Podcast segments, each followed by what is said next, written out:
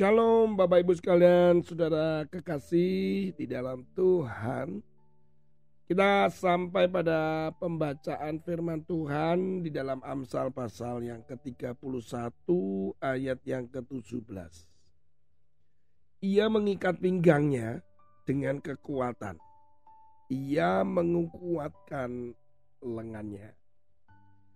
Ini adalah ayat untuk tips yang ketujuh seorang istri. Bagaimana seorang istri memiliki kekuatan yang tersembunyi. Wah. Karena ayat ini ya saudara berbicara tentang mengikat pinggang dengan kekuatan dan menguatkan lengannya. Ini konteksnya apabila ini untuk pria sebenarnya ini adalah untuk persiapan perang. Bagaimana selalu siap sedia untuk tugas peperangan. Sementara kata-kata kekuatan itu sendiri punya arti bahwa kekuatan itu ada dari kuasa Allah. Itu sama seperti yang dimaksudkan dalam Mazmur 59 ayat yang ke-18.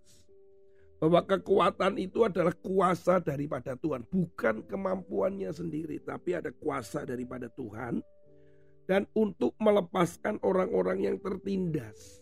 Begitulah ya konteksnya begitu. Kemudian juga menguatkan itu di dalam bahasa Ibraninya itu adalah amet. Kata yang maknanya sama dengan kata yang digunakan untuk tentara. Jadi menguatkan. Jadi kalau Bapak Ibu sudah pernah tahu gini, kusing-singkan lengan. Nah, seperti itu ya. Jadi siap sedia. Saya lebih melihat secara keseluruhannya itu adalah ada satu kekuatan tersembunyi yang ditunjukkan oleh seorang istri atau wanita yang mungkin tidak dimiliki oleh pria.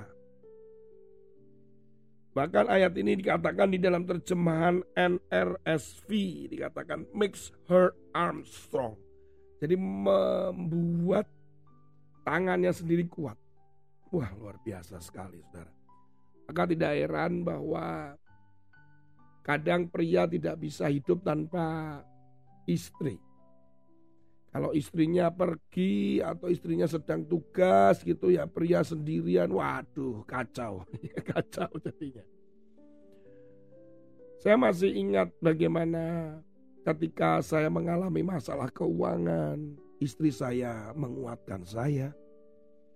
Ketika saya pertama kali keluar dari pekerjaan saya nangis, saya tidak ada penghasilan. Kemudian saya juga mencari kerja. Sementara saya terpanggil untuk keluar dari pekerjaan untuk full dalam pelayanan. Kejadian tahun 2004 saya masih ingat. Tiga bulan aman karena masih ada pesangon yang masih saya gunakan untuk keseharian. Tetapi bulan keempat, bulan kelima itu masa-masa yang sulit buat saya. Saya buka koran untuk saya bisa bekerja kembali. Saya merasa minder karena seperti seorang laki-laki atau suami yang kok tidak bekerja dalam arti menghasilkan uh, uang untuk keluarga, tapi benar-benar itu wah berkecamuk ya di dalam diri saya. Tapi istri saya bisa menguatkan saya.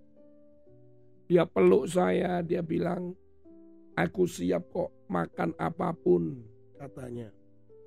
Kita pernah melalui masa-masa sulit. Masa-masa sulit seperti ini tidak bisa kita lalui asalkan bersama-sama.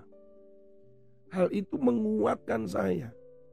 Hal itu yang memberikan dorongan semangat membangkitkan iman saya.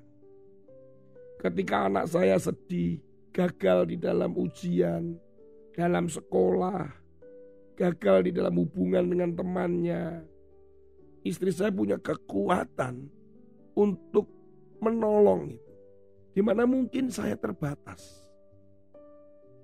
Istri saya berdoa ketika sakit, ketika saya sakit, anak-anak sakit dalam masalah. Itu yang dikatakan bahwa ada kekuatan tersembunyi di mana harus menghadapi masa-masa sulit. Bukan kemudian menyerah, tetapi kekuatan daripada seorang perempuan ini luar biasa sekali, saudara. Bahkan secara penelitian-penelitian saja itu ditunjukkan bahwa ada beberapa hal yang wanita cukup kuat dibandingkan perempuan ini dengan laki-laki.